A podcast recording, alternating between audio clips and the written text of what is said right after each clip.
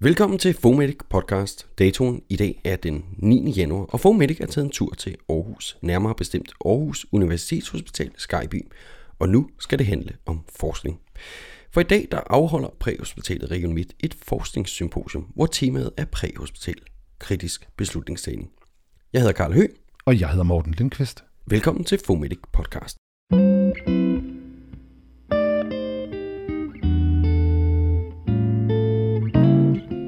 Man kan vel godt uden at fornærme nogen kalde et symposium for et lidt mindre formelt arrangement eller en mindre konference. Præhospitalet Region Midt har inviteret en række danske talere og forskere til at fortælle om netop deres forskning. Forskning, der er udført præhospitalt og på den ene eller anden måde relaterer til det overordnede emne for dagen, som er præhospital kritisk beslutningstagning. Det er et stærkt program, de har sat sammen, og vi kommer blandt andet til at høre om lidt forskelligt i forhold til tidlig identificering af SAH-patienter.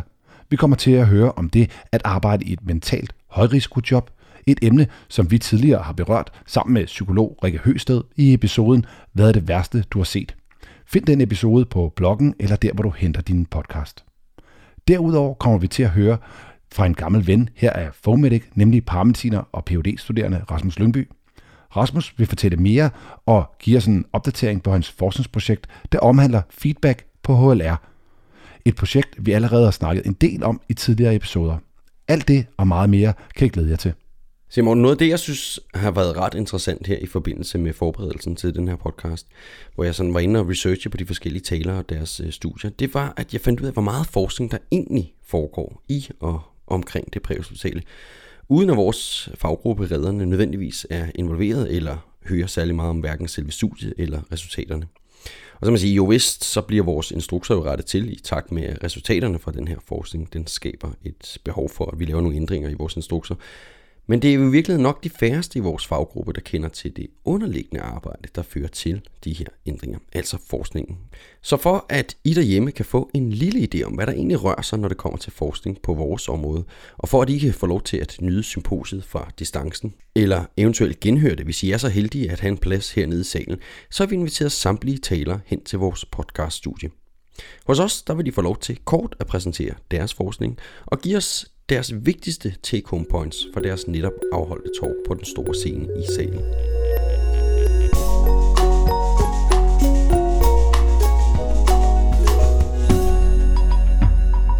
Som den første gæst, så har vi inviteret lægefaglig direktør for Præhospitalet Region Midt, Per Sabro Nielsen, til en snak. Per han er en af hovedkræfterne bag symposiet og har lige afsluttet sin velkomst i salen. Så han må være manden, der kan gøre os alle sammen klogere på, hvad det her symposium det er for en størrelse. Velkommen til studiet, Per. Jo, tak skal du have. Hvad er egentlig formålet med et forskningssymposium? Ja, målet er jo, at øh, man gerne vil have den viden, man har i organisationen, ud til, øh, ja, sådan lidt bredt sagt, resten af verden. Ja. Men specielt dem, som er interesseret i det her område med det præhospitale, øh, med det præhospitale funktion. Så det er sådan set hovedformålet med det. Hvad er det, vi har arbejdet med det sidste år? Og hvad er det, som, som vi synes er i centrum lige nu? Nu siger du i de sidste år. Hvor mange gange har er det her symposium været afholdt? Det startede i 2012 første gang, så det er 9. gang. Hvorfor tænker I, der er det her behov for at, øh, at holde sådan et symposium? Jamen, det handler om, at den viden, der er inden for det præhospitale område, er relativt begrænset, fordi det er sådan et ungt område, kan man sige. Det er jo ikke et speciale, men den præhospitale funktion er så specialiseret i sundhedsvæsenet. Og den er kun, øh, altså præhospitalet i Midtjylland er 10 år gammel, ja. og, det, og der er ingen af de andre præhospitaler, der er ældre. Så, så vi er cirka 10 år gamle i det præhospitale område som en selvstændig sundhedsfaglig organisation, kan man sige. Og det har udviklet sig fra præhospitalet til at være altså en, en transportfunktion, hvis man skal sige det lidt groft, tilbage for 20-30 år siden, ikke? til nu at være en, en, en fuldt integreret del af hospitalsvæsenet, hvor man yder diagnostik og behandling allerede i bilerne på vej mod hospitalet. Ikke? Så det er en helt ny funktion. Og når man er så ny, øh, så øh, er der uanede muligheder, forskningsmuligheder. Man kan kaste sig over næsten hvad som helst. Det er, der er ikke evidens for ret meget. Øh, så derfor er det vigtigt, at, at de præhospitale organisationer og alle dem, der arbejder med det her område, mødes jævnligt og taler om, hvad er det, vi forsker i, og hvad ved vi mere om. Det, det er jo, der er jo hele tiden nyt på det her område. Temaet for i dag, det er jo præhospital kritisk beslutningstagning. Og ja. hvorfor har I valgt det som emne? Det er fordi, det er en af, det er en af pindene i vores øh, strategi. øh, som handler om øh, kritisk beslutningstagning øh, og kritiske interventioner, og så mennesket og systemet. Det er ligesom de tre overskrifter, vi har. Ja. Og de er selvfølgelig meget brede, men vi prøver ligesom under det og ligesom at lægge ind i, hvad er det så, vi kigger på i øjeblikket i den næste periode. Nu kigger vi på de næste fem år, 2020 til 2025. Øh, og der, der ser vi jo, øh, altså kritisk beslutningstagning er jo kernen i det, vi laver, fordi vi står ude ved en borger, som er syg, vi har få oplysninger på vedkommende. Vi har ikke en journal, vi kan slå op i. Så det er kritisk beslutningstagning næsten altid, specielt ved alvorligt syge. Ikke? Men også hvis, hvis man skal afslutte en patient, er det også en beslutning, eller en kritisk beslutningstagning. Fordi hvis nu tager fejl, så er det jo meget kritisk. Så, ja. så derfor er det også en kritisk beslutningstagning at sige, vi afslutter der sådan set i hjemmet. Men det er jo virkelig et meget, meget bredt område. Hvis man bare så, det er en stor paraply, øh, kan man sige, det er meget hvor der er rigtig, bredt. rigtig mange forskellige undergrupper indenunder. Ja. Øhm, Vores lytterskak består jo primært af redder. Når jeg sådan kigger ned over øh, deltagerlisten, eller listen af taler i det, så er der jo en ret stor repræsentation af læger. Ja. Og sat lidt på spidsen, så kan man faktisk sige, at lægerne i virkeligheden kun udgør en lille procentdel af de aktører, vi faktisk ser i det præhospitale. Øhm, men jeg kunne rigtig godt tænke mig, og noget af det, vi prøver at plædere lidt for, det er det her med, hvordan ændrer vi som vores faggruppe redder, hvordan ændrer vi vores adfærd, så vi kan blive bedre til at komme, komme i gang med, med forskning. En af de ting, som gør, at læger og forskere er jo en del af vores grundtræning. Ja. Ja. Det er jo at være nysgerrig på en forskningsmæssig måde, kan man sige. Så når vi ser et problem, så tænker vi, hvordan kan vi belyse det ved et eller Ja. andet projekt?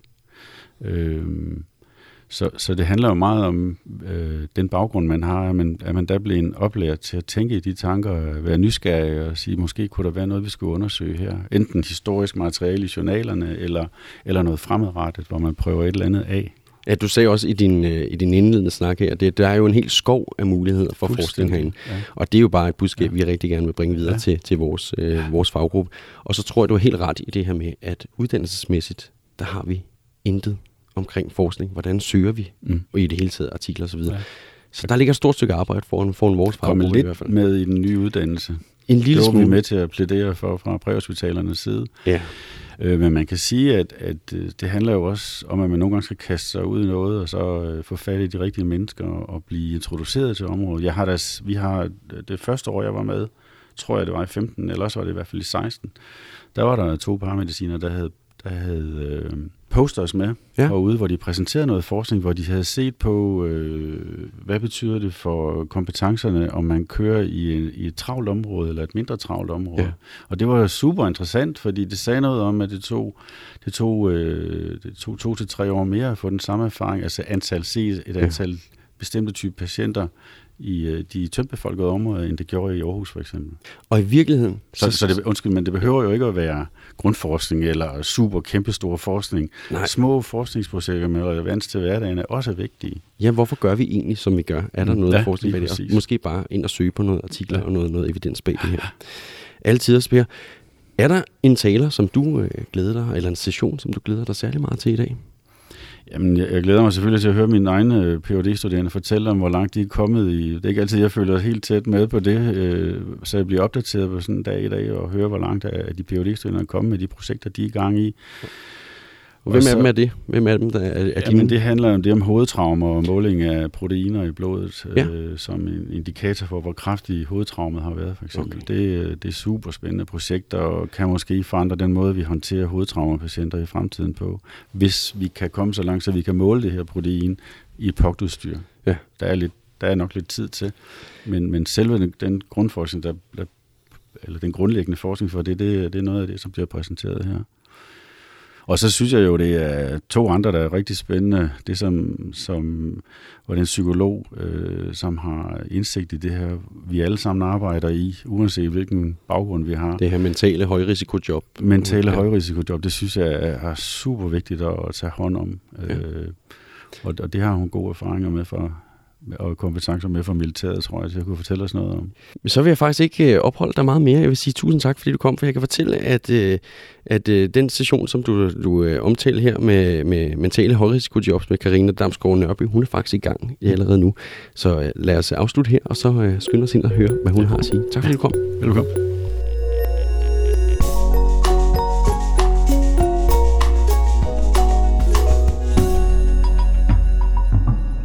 Jamen, så er vi færdige med den første session her i Forskningssymposiet i Region Midt. Og øh, det betyder, at vi har fået to gæster ved bordet. Og den øh, første gæst, vi har fået, det er Karina Damsgaard Nørby, som er psykolog. Velkommen til dig. Tak for det. Og så er det dig, Jens Åge Kølsen, som der er overlæge og lektor. Og øh, I har lavet to forskellige øh, foredrag, som jeg gerne vil spørge lidt ind til. Og lad os starte med dit, Karina, fordi du var også den første taler inde på podiet. Kan du kort beskrive, hvad det var, dit emne handlede om? Mit emne handlede om mentale højrisikojobs.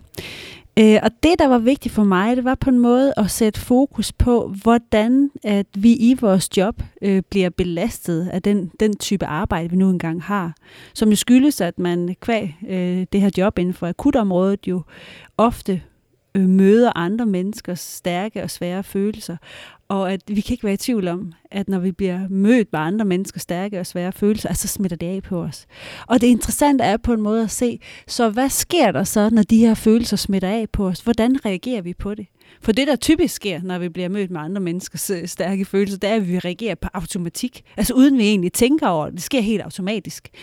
Øhm, så det her med at være opmærksom på, hvad er min automatiserede respons i mødet med andre menneskers svære, øh, svære følelser? Fordi når jeg har en fornemmelse af, hvad min respons er, så kan jeg egentlig også bedre arbejde med den.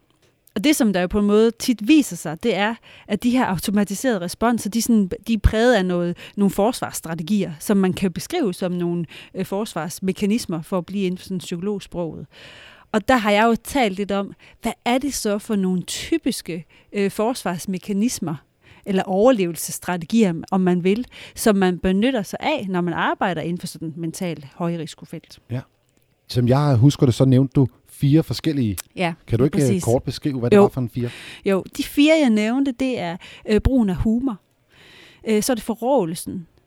Og så er det den her øh, teflonbelægning, eller kynisme, om man vil. Og den sidste, det er det, er det her med at blive sådan meget øh, sort-hvid tankegang. Og hver af de her, øh, hvad skal man sige, forsvarsmekanismer har jo en funktion, som er at, og egentlig at beskytte os. Øh, og og, og de, alle forsvarsmekanismer her kan egentlig være berettet, og kan jo egentlig have den funktion, at de rent faktisk beskytter os. Men det er bare ikke altid den mest hensigtsmæssige måde, de gør det på. Og min pointe er i hvert fald at sige, hvis nu vi benytter os af de her forsvarsmekanismer, som jeg synes, jeg ser, de, de tit optræder inden for det akutte, jamen så lad os nu kigge på, at de er der. Og lad os kigge på, hvorfor det er, vi benytter dem. Og er det altid en god idé at benytte dem her? Og i hvert fald, at vi bliver bevidste om, hvornår vi benytter dem, og hvorfor vi benytter dem. Hvorfor tror du, at det er så svært for sundhedsprofessionelle at, at tale om de her ting og anvende øh, øh det at bare føre samtale om svære emner? Ja, Øh, min, min sidste pointe øh, på, i oplæg, det var øh, det her med, at, at tidligere så har man egentlig haft en tilgang til, at det her med at være professionel, det handler om at kunne lukke ned for sine følelser. Og så kan man stå der og ellers være helt kold og klar. Øh, Hvorimod at det, som vi ved i dag, og det, som jeg slår et slag for, det er, at nej, professionalisme handler ikke om at kunne lukke ned for sine følelser. Det handler om at kunne håndtere sine følelser. Så, det, så når du spørger mig om det her, så tror jeg, at det er svært. Fordi der er noget, der hænger fast i os i forhold til det her med at lukke ned for sine følelser. At de skal ikke være der. De må ikke fylde. De er bare forstyrrende. I øvrigt kan vi overhovedet ikke regne med vores følelser. De forstyrrer bare. Øhm, og det er egentlig den tankegang, jeg gerne vil gå op med og så sige, prøv at høre, det kan godt være, at vores følelser de ikke altid er hensigtsmæssige, og de er ustyrlige, men de er der, og de, de styrer rigtig meget af vores adfærd. Jeg øh, lod mærke til, at du nævnte på et tidspunkt, at øh, det er tit sådan, at når man bliver mere erfaren, og måske dem, vi kalder de ældre i, øh, i, i sundhedsfaget, de også øh, ender med at blive det her sort-hvide forhold. Mm. Enten det enten eller. Øh, og, og når man bliver ældre og erfaren, så ender man ofte også i en ledende position, mm-hmm. eller i hvert fald en meget ansvarsfuld position. Har det stor effekt på, hvordan kulturen ellers spreder sig i en organisation? Det er virkelig et godt og interessant spørgsmål. Fordi du har ret i, at det, som jeg har set, og det, der egentlig også er beskrevet i litteraturen, det er, at det jo tit er folk, som har været længe i systemet, som, bliver, som får den her sort-hvid tænkning. Egentlig også, fordi de tænker, nu ved jeg alt, og det har vi prøvet, og der er ikke nogen grund til at være undersøgt og nysgerrig på det længere. Øhm, og det jeg også sagde derinde, det er netop, som du pointerer, at det er jo også tit de mennesker, som faktisk har mere eller mindre øh, uofficiel eller officiel autoritet. Så, så det, jeg synes, det er et interessant spørgsmål, du rejser. Giv videre, om det kan have en betydning i forhold til, at det også er dem, der sidder og skal tage højde for, hvordan er det, vi skal beskytte eller passe på vores medarbejdere. Det kunne, det kunne faktisk være interessant at undersøge nærmere. Jeg har ikke et svar på det, men, men det er rigtigt. Po- Pointen er der. Jeg øh, har et sidste spørgsmål, som ja. relaterer sig til dit sidste slide, eller i hvert fald et af dine sidste slides, hvor du skrev noget om nulfejlskultur. Mm-hmm. Og som, øh, som, som selv ansat i sundhedsvæsenet i den akutte sektor, mm. så, øh, så kunne jeg godt høre, tænke dig at høre, øh, sætte et par ord på, hvad har det med, at vi, vi arbejder i, hvad der nu er blevet til en politisk nulfejlskultur, mm-hmm. øh, at sige i forhold til vores arbejdsmiljø og den måde, det er at, at gå på arbejde i sådan en organisation, der har nulfejlskultur? Ja.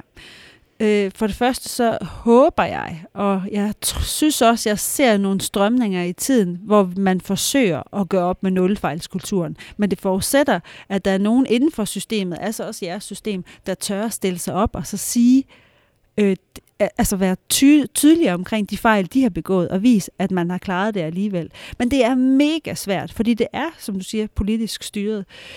Og det man i hvert fald bare kan sige, det er, at det, det skader arbejdsmiljøet, og det skader den enkelte, at der er så stor fokus på, på fejlfinding, og at vi ikke må lave fejl. For al forskning indikerer os, at vi bliver i hvert fald hæmmet i vores beslutningstagen. Vi får en dårligere relation til dem, vi skal behandle. Vi får en dårligere relation til vores ledere, til vores kollegaer osv., hvis det er, at vi går og er bange for at lave fejl. Så ja, jeg tænker, det er faktisk ret problematisk, at det, er, øh, at det fylder så meget. Så hvis vi skal slutte det her af med, med, med to-tre øh, take-home points, altså hvad, hvad var budskabet, og, og hvad skal folk tage med hjem fra, fra din session? budskabet det er på en måde, at når vi arbejder inden for det akutte, altså et mentalt højrisikojob, så kan vi ikke undgå andet end, at vi bliver påvirket. Fordi det gør vi. Og, og derfor kan vi lige så godt på en måde være bevidste om at sige, hvordan er det, jeg bliver påvirket? Og når jeg bliver påvirket, hvad for nogle strategier er det, så jeg benytter mig af? Altså tydeliggøre de strategier, man benytter sig af. Og så spørge sig selv, er det hensigtsmæssigt? Er det godt for opgaveløsning? Er det godt for mig? Eller skulle jeg overveje, om jeg skal arbejde med det her og finde nogle andre strategier? Og så er der en vigtig, det er min vigtigste pointe, er faktisk det her med, at professionalisme ikke handler om at lukke ned for sine følelser, men det handler om at håndtere sine følelser. Fordi hvis jeg skal sige, at jeg tog noget med derfra, så var det præcis din afsluttende bemærkning der. Nemlig lige præcis det her med, at det er god professionalisme og ja. ture og tale om tingene, ja. og ikke det modsatte, ja. det at gemme sig. Så, ja. så tusind tak for ja. den uh, kommentar. Velkommen.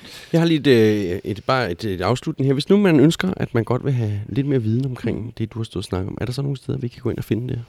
Man, man kan altid skrive til mig. Øh, og så, så, kan man, så kan jeg sige, hvis man er interesseret i noget af det litteratur, som jeg også henviser til øh, på, under, øh, under forelæsningen, jamen, så er der øh, en psykolog, der hedder øh, øh, Rikke Høsted, som beskæftiger sig med belastningspsykologi, og der er en, en dansk psykolog også, der hedder Dorte Birkmose, som, som beskæftiger sig rigtig meget med forrådelse. Og så er der jo et utal øh, af også udlandske studier inden for sådan noget med øh, emotionel intelligens osv., som man kan øh, være nysgerrig på. Så kan jeg sige til folk, der lytter med derude, at øh, Rikke Høsted også er god ven af Fomedic, og vi har lavet en, øh, en rigtig, rigtig fin episode øh, netop med Rikke. Så der kan man gå ind og høre, den hedder Hvad er det værste, du har set? Så lad os øh, springe videre til det, dig, Jens o. Du øh, talte om noget, som du sagde, klinisk og ikke-klinisk kompetencer. Mm. Øhm, kan du kort beskrive, hvad det var for en, øh, hvad det var for en session, eller hvad for en emne, du, øh, du berørte det? Ja, det handler i bund og grund om øh, det forhold, at øh, 70-80% af de fejl, der sker i sundhedsvæsenet, faktisk øh, involverer menneskelige fejl. Og det vil sige, at det bliver vigtigt at kigge på, hvad er det for faktorer, der spiller ind her. Og der er det, at man kigger på de ikke-kliniske færdigheder, og det kunne være evne til at gennemskue den kliniske situation, du står i, altså hvad fejler patienten. Men det er også, hvordan har jeg det selv lige nu? Er jeg træt? Er jeg sulten? Er jeg uoplagt?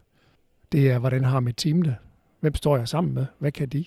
Og så kunne det være øh, evnen til at træffe de rigtige beslutninger, baseret på den viden, man har fået, når man øh, undersøger patienten. Og sammenholde det med, hvad skal vi med patienten? Øh, skal han transporteres til et sygehus, eller skal vi gøre noget først, inden vi transporterer patienten? Alt det der, det er de bløde værdier, det er de menneskelige værdier, som vi kalder de ikke-kliniske færdigheder. Og på mange måder, supplerer de, de kliniske færdigheder, som vi jo forventer, at enhver læge eller behandler i en ambulance har, nemlig evnen til at tage sig af med medicinsk viden og med medicinsk øh, praktisk øh, håndgreb, tage sig af de akutte patienter. Så det er så at sige indpakningen af den hardcore medicinske viden. Ja, Øhm, du nævner undervejs øh, noget om, at der er lavet nogle studier, der mm. faktisk har forsøgt at, at belyse, om der er en forskel på, på gode teams ja. og, og ikke så velfungerende teams, eller hvor man ikke har så meget fokus på, på de her ikke-tekniske eller ikke-kliniske færdigheder? Ja. Der er faktisk lavet øh, flere studier, og specielt i øh, simulationsverdenen, øh, hvor man... Øh, øh, hvad kan man kalde det, øh, simulerer en akut situation, og så kigger på, hvordan klarer øh, forskellige teams sig. Så kan man øh, sammenligne teams ud fra den stringente kliniske færdigheder, såsom evne til at intubere eller få øh, håndteret en luftvej, med de ikke-kliniske færdigheder, som evnen til at kommunikere og lægge en strategi og bede om input og lytte og alle de der bløde øh, menneskelige værdier. Så det må der lavet en del af, og det interessante er så, at øh, der her sidste år kom et større, det vi kalder en metaanalyse, altså hvor man samler flere studier, og så prøver at uddrage en fælles konklusion. Og der ser det ud til, at de teams, der klarer sig godt på de ikke-kliniske færdigheder, faktisk klarer sig bedre på de kliniske færdigheder. Så der er altså en sammenhæng imellem det at være god til de ikke-kliniske færdigheder, og så det at, at klare sig godt øh, og dermed jo ultimativt behandle patienten bedre og sørge for et bedre outcome.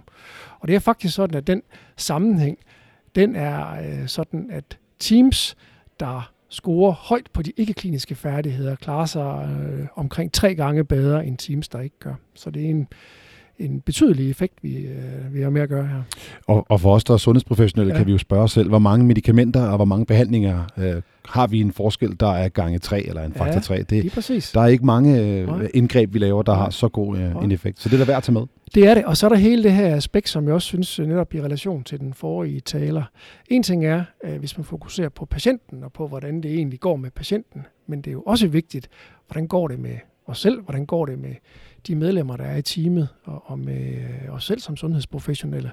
Og det kan godt være, at det at have nogle gode kliniske, ikke-kliniske færdigheder, faktisk åbner op for, at man klarer sig bedre på lang sigt. Altså, de er jo de bløde menneskelige værdier, ikke?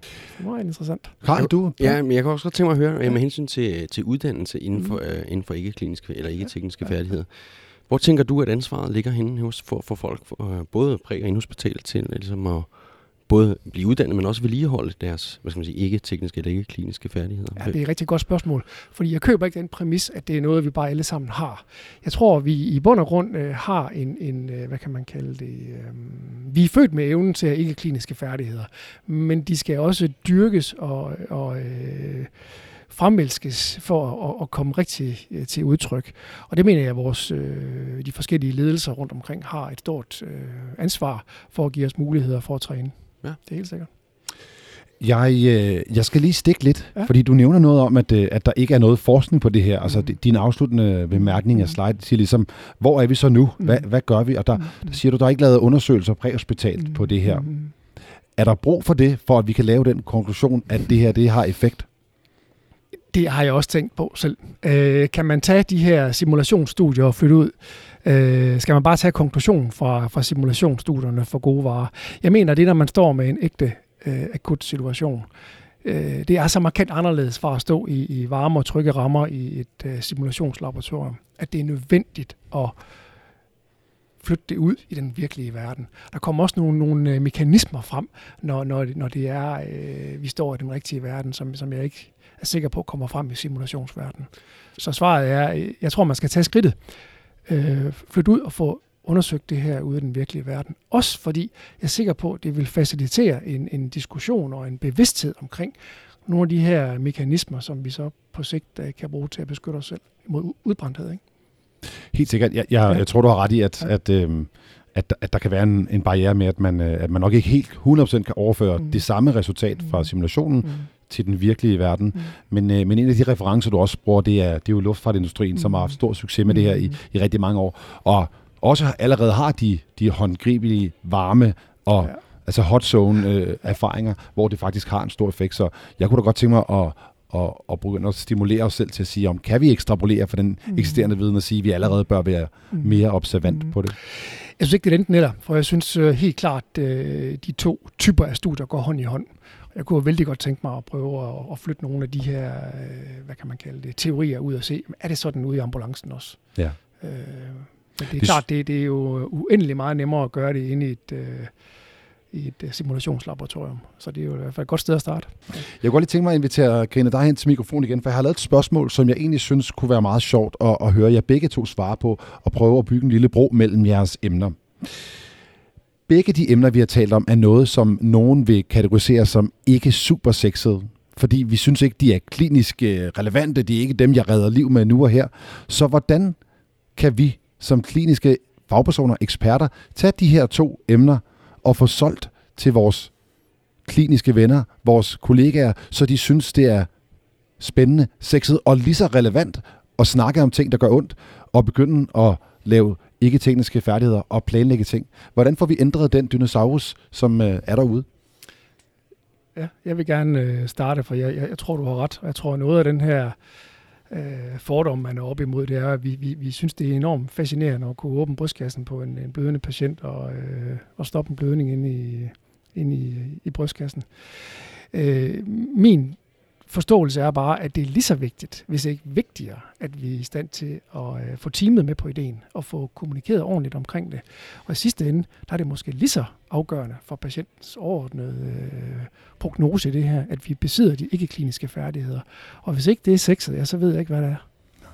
Det er et godt budskab, Karina. Ja, men altså, jeg, jeg stod lige og tænkte det samme. Jeg tænkte, det kommer nok også lidt an på, hvor man kommer fra, for jeg synes, det er mega sexet. Øh, og det er faktisk også min fornemmelse, at folk begynder at synes, at det er mere sexet. Og grund til, at jeg siger det, det er, at jeg kan mærke, at jeg bliver bedt rigtig meget om at komme og fortælle om de her ting, og folk de lytter, altså med store ører. Og det tænker jeg, det gør de, fordi at der er noget ved det her, som klinger ind. Så jeg tror faktisk, at det her det er et emne, som der er kommet for, altså det er kommet for at blive, og det bliver mere og mere af det. Og jo i særdeleshed, når der også begynder at komme forskningsartikler, som viser, at det her med at have de tekniske færdigheder på plads, det er rigtig fint. Men hvis ikke man kan omsætte det til noget, hvor man også har sig selv med i det, og tage højde for sig selv i det, jamen så, så når vi ikke langt med det. Øh, og i hvert fald også i forhold til at passe på sig selv i det her arbejde, så er det jo altså mega sexet. Det blev ordene for, øh, for første session. Tusind tak for jeres foredrag, og tak fordi I tog jer tid til at komme ind og, og give os nogle gode tips og tricks. Velbekomme. Tak.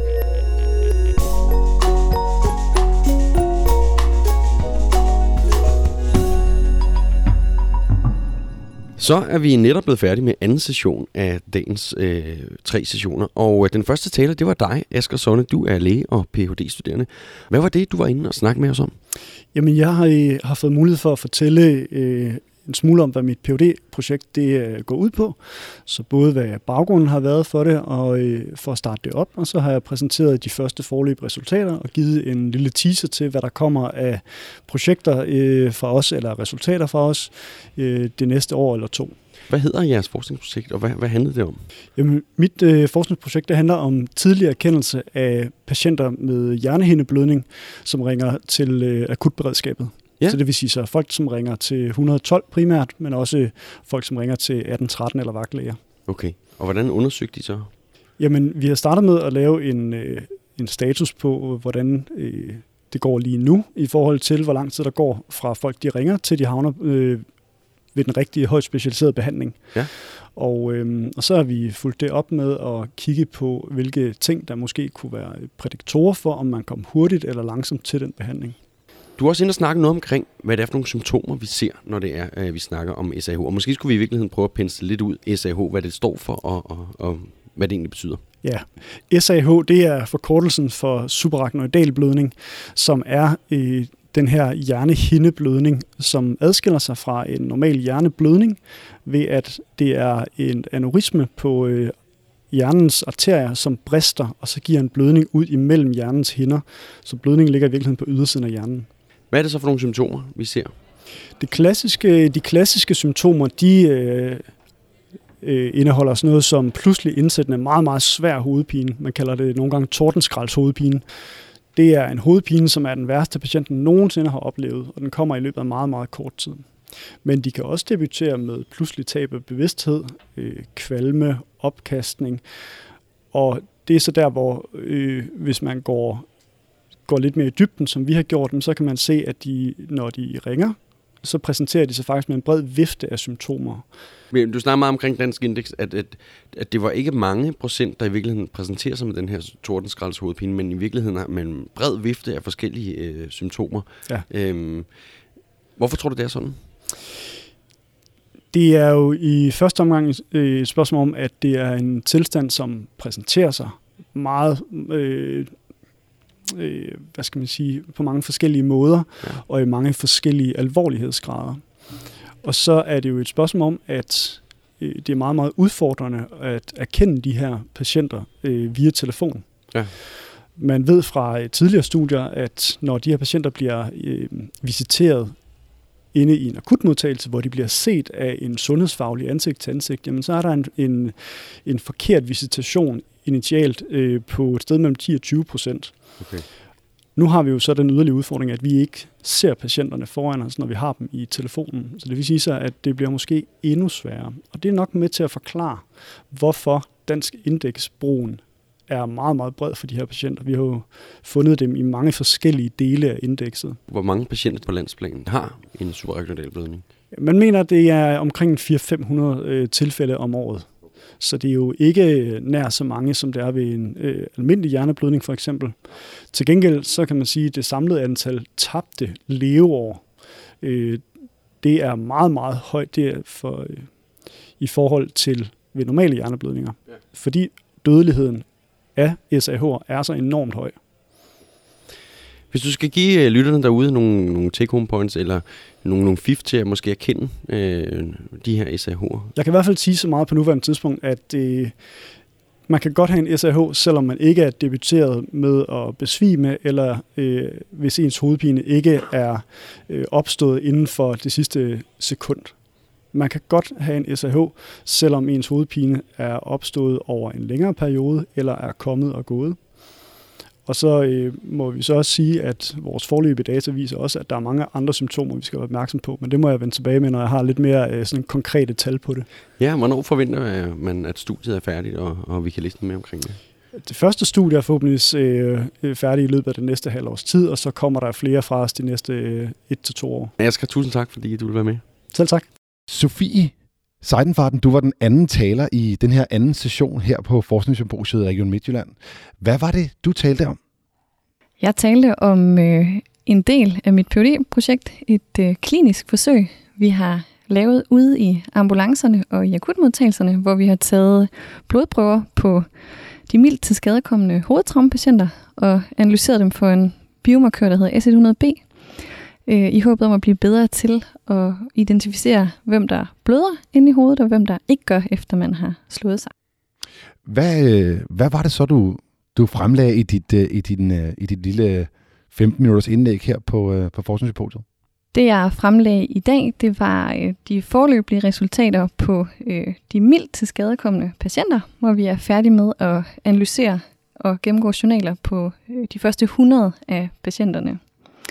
Jeg havde nogle biomarkørværdier med, og øh, også lidt viden omkring, om de så er blødt inde i hovedet øh, eller ej. Jamen, øh, lad os bare starte med at snakke lidt om de her biomarkører. Kan du ikke lige sige, hvad er det for nogle biomarkører, og hvor kommer de fra? Det kan du tro. Den markør, vi har kigget mest på, det er den, der hedder S100B. Det er et gliacelleprotein, det vil sige et lille protein, der findes inde i støttecellerne op i hjernen. Det er der også, når man ikke er syg, men når man slår hovedet, og der sker en traumatisk ruptur af membranen på de her celler, så kommer øh, det lille protein først ud i væsken op i hjernen, krydser over i blodbanen, og så kan vi simpelthen trække det ud på en blodprøve øh, og måle på det der. Så det er simpelthen et lille protein, vi går rundt med inde i kroppen, men som helst skal blive op i hjernen. Og hvis vi så slår os, så kommer det ud nogle steder, hvor det helst ikke skal være. Så, så for at, at sikre, at, øh, at, at alle er med, at det er ikke et protein, der er i, hvis jeg har et traume på armen eller på låret, at er det kun i, i hjernecellerne? Det er et rigtig godt spørgsmål. Det er nemlig desværre også øh, i nogle andre former for traumer, og det er derfor, det er ikke helt 100% hjernespecifikt, men det er, altså, det er meget, meget, meget højere koncentration fra hjernen end andre steder. Hvis man har fraktur af store rørknogler, det vil sige lårbensknogler for eksempel, så vil man kunne se en S100B-stigning. Eller hvis man har knusningslesioner af fedtvæv, altså hvis man har været i et stumt traume, trafikulykke og har fået trykket et eller andet øh, ind i maven, så kan man også godt se øh, stigningen. Og der kan vi ikke skelne, om det kommer fra de traumer eller op fra hovedet. Så der er noget, det vi kalder ekstra cerebral forurening, altså kilder uden for hjernen, der også kan give en S100B-stigning. Kan du øh, prøve at opsummere, hvad det var for nogle resultater, og, og hvad det var for nogle fund, I her, du fremlagde herinde øh, i salen lige før? Ja, jamen øh, først og fremmest så kunne man overordnet se, at øh, S100B-værdien i de præhospitale prøver, dem vi tog først ude i ambulancen, er højere end de S100B-værdier, vi finder på de blodprøver, vi har taget på de samme patienter, når de kommer ind i akutmodtagelsen. Til trods for, at der jo som regel ikke går så lang tid. Øh, der er ikke så lange transportkøretider her i regionen, men den når altså at falde øh, ret meget, inden man er inde i akutafdelingen.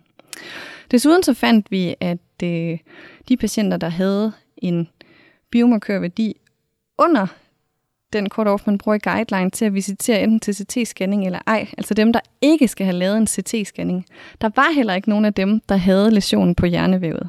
Og det var vi jo rigtig glade for at se, fordi vi må helst ikke udelukke nogen på baggrund af biomarkøren, som fejler noget øh, alvorligt inde i hovedet. Nej, jeg tror faktisk, du havde det, det tal, man ønsker allermest. Jeg havde det tal, man ønsker allermest, og det er tallet 0 i den sammenhæng. Og kan vi ikke lige øh, for, for lytteren nævne, hvad var det for en kategori, det var i? Var det, det var de falske dem, negative. der er falsk negativ, Ja. altså hvis man havde haft en blødning inde i hovedet, men havde haft en lav biomarkørværdi, så kunne vi jo finde på at sige, at du fejler ikke noget, du skal bare hjem og hvile dig. Og det vil sige, at så havde den været falsk negativ, fordi der vi så har været et positivt fund egentlig, hvis vi havde scannet patienten. Så det er sådan nogle begreber, man arbejder med der. Men der var ingen falsk negativ, det vil sige, at vi ikke udelukket nogen på baggrund af blodprøven, som skulle have haft en scanning. Og det var vi rigtig glade for at se. Hvad er så de andre kategorier med dem, som der slog ud på prøven? Ja, det er jo nemlig også rigtig spændende, øh, for der kan vi se, at af de patienter, der så havde en blodprøveværdi under niveau, og som ikke blødt inde i hovedet, altså dem vi potentielt vi kunne lade blive på skadestedet, give et godt råd omkring, hvordan man passer en hjernerystelse, men så ellers sende dem hjem i seng. Øh, det er cirka 11 procent, 10-11 procent øh, af patienterne, der ville kunne modtage den behandling. Til gengæld så var der øh, 92 procent, hvor vi faktisk finder en forhøjet blodprøveværdi, men der er ikke noget på deres CT-scanning, når de kommer ind på hospitalet. Det vil sige, dem vil vi egentlig scanne unødigt. Og så var der syv, der er det, vi kalder true positives, altså hvor man havde en høj værdi, og man havde en blødning inde i hovedet. OK. Hvis øh, vi skal overføre det her til praksis for, for dem, der sidder ude i en ambulance, en akutmodtagelse eller, eller på hospitalerne derude, hvad, hvad vil de kunne bruge det til, øh, de resultater, der er lige nu? Altså de resultater, der er lige nu, øh, vil vi desværre ikke kunne bruge til så meget i praksis, for vi går fortsat og venter på, at der skal komme et håndholdt apparat, der gør det muligt for os at analysere blodprøven på skadestedet. Det er lige på trapperne, det er ikke udviklet endnu, og det er blandt andet noget af det, den her, de her resultater skal være med til at skubbe på. Når vi får det apparatur, fordi det gør vi, øhm, det kommer bare ind på, hvem af producenterne, der er først med det, jamen så skulle det jo gerne hjælpe til, at patienter, der ikke har behov for at blive hospitaliseret, der ikke har brug for en CT-scanning, der ikke skal have den her unødvendige stråling af hjernen, at de kan få lov til at undgå det, få et godt råd og komme hjem og passe deres hjernerystelse. Og så vil vi jo også gerne bruge det til, at de patienter, der så rent faktisk er i risiko for at fejle noget, får hurtigere og mere direkte behandling øh, og adgang ind øh, i øh, de specialebærende øh, sygehuse, altså universitetshospitalerne, hvor neurokirurgerne bor. Og så håber vi også, at indhospitalet vil kunne hjælpe i akutafdelingerne. Lige nu, der, når man skal have taget en S100B inde på hospitalet, jamen, så analysetiden kan være en time, og man skal lige have kaldt bioanalytikeren op og sådan noget, så er det typisk hurtigere at få lavet en CT-scanning. Så dem fyrer man ligesom af for at holde et flow i de her akutmodtagelser, der er ret crowded. Kunne man få en håndholdt analyse som en blodsukkermåling, der kunne give den her værdi på 13 sekunder, så håber jeg, at det også ville kunne være et værktøj, der ville gøre, at man kunne bruge markøren mere optimalt inde på hospitalerne. Så ikke kun ude i ambulancerne, men altså også inde på hospitalerne. Det lyder super interessant, fordi at, at der er jo masser af ting, vi, vi kan bruge det til at afslutte patienter, øh, så de ikke får den belastning og bekymring, der er kommet på sygehuset. Vi kan visitere korrekt, og alt sammen er jo med til at, at bedre patientens oplevelse, men også udnytte de ressourcer, der er i sundhedsvæsenet, så, så godt som muligt. Så har vi også det element af, at vi vil jo helst ikke stråle folk, som ikke rigtig behøver det. Så, så der lyder der meget, som om der er mange gode øh, muligheder, hvis det her det lykkes. Det bilder vi os i hvert fald ind, at det vil komme både øh, patienter øh, til gavn, men også afdelingerne og, og de patienter, der så skal være i afdelingen, at de kan få øh, den tid og den opmærksomhed, de skal have, fordi den ikke er overfyldt med, med folk, der egentlig ikke øh, har grund til at være der. Så. Så har jeg to øh, afsluttende spørgsmål. Jeg synes, det ja. kunne være interessant. At den her ting, som er ved at blive udviklet, mm. øhm, det kan du sikkert ikke 100% svare på, men, men er det så en, en selvstændig blodmåler til kun den prøvetype, eller er det noget, man overvejer eller kan inkorporere i nogle af de eksisterende apparaturer, øh, således at, at dem, der kører ud på ikke ender med at køre med et, et fuldt laboratorium for hver eneste test, man skal have? Ja, der er flere øh, selskaber og firmaer på vej øh, med assays, der kan køre det her. Blandt andet øh, nogen, hvor man simpelthen skifter kassetten på noget af det apparatur, der er derude i forvejen, skifter over til et biomarkørpanel øh, for hovedtraumer, og så kan analysere både S100B, men også nogle af de nye markører, vi skal til at kigge på. Der er også et andet firma, der er helt ny spiller på banen, som øh, jeg ved er ret langt med det. Øh, og det vil være deres første assay, så vidt jeg har forstået, men der vil man også kunne skifte kassetten, så det er et apparatur, man skal køre med, point of care apparatur, og hvis man så har en hjertepatient, jamen så smider du hjertekassetten i, får TNT, TNI, whatever man kører med i den region. Det er en hovedtraumepatient, SAH-patient, et eller andet neuro, jamen så smider man den kassette i, og så vil man kunne analysere for, for de markører. Så det kommer nok på sigt forhåbentlig til at være et apparatur, man, øh, man kan kigge på flere forskellige patientkategorier i. Fordi det er jo i hvert fald en af de ting, som, som jeg som præhospital lægger mærke til, det er det her med, at, mm. der er mange gode intentioner, men, men hvis tingene skal virke, og man skal have øh, en ambulance fyldt op med, med fem til seks apparater, så, så skal de også virke og testes og kontrolleres, og derfor så ser vi jo frem mod, at der kommer et, et, et mere universelt apparat. Men Absolut, men det er jo industrien. Det er jo det, drevet af lidt nogle andre kræfter end os. Ikke? Vi, vi, kan, håbe, vi kan give dem incitamentet for at udvikle det og fortælle dem, at det virker, at det har en plads i behandlingen, men hvem der så har flest kræfter på markedet, der kommer først med teknologien, det er jo svært at spå om. Vi må lade fremtiden... Øh... Ja, det må vi. Jeg kunne godt tænke mig at spørge på, på faggruppens vegne, altså ambulanceredderne. Hvordan er det gået for ambulanceredderne med at tage de her blodprøver, og, og, og har det fungeret, og kvaliteten været, været god, så man i fremtiden også kan bruge ambulanceredder til måske eventuelt at være mere med i de her projekter? Det er gået vanvittigt godt. Og det var noget øh, kvalitetsparametre, vi kiggede på i starten, inden vi havde inkluderet alle de her i alt 610 patienter, for det ville jo være træls at have nogle dårligere blodprøver sidenhen. Øhm, det er gået rigtig, rigtig godt. Både øh, blodprøvetagningen, blodprøvematerialet har været øh, af lige så høj kvalitet som øh, det inhospitale materiale faktisk.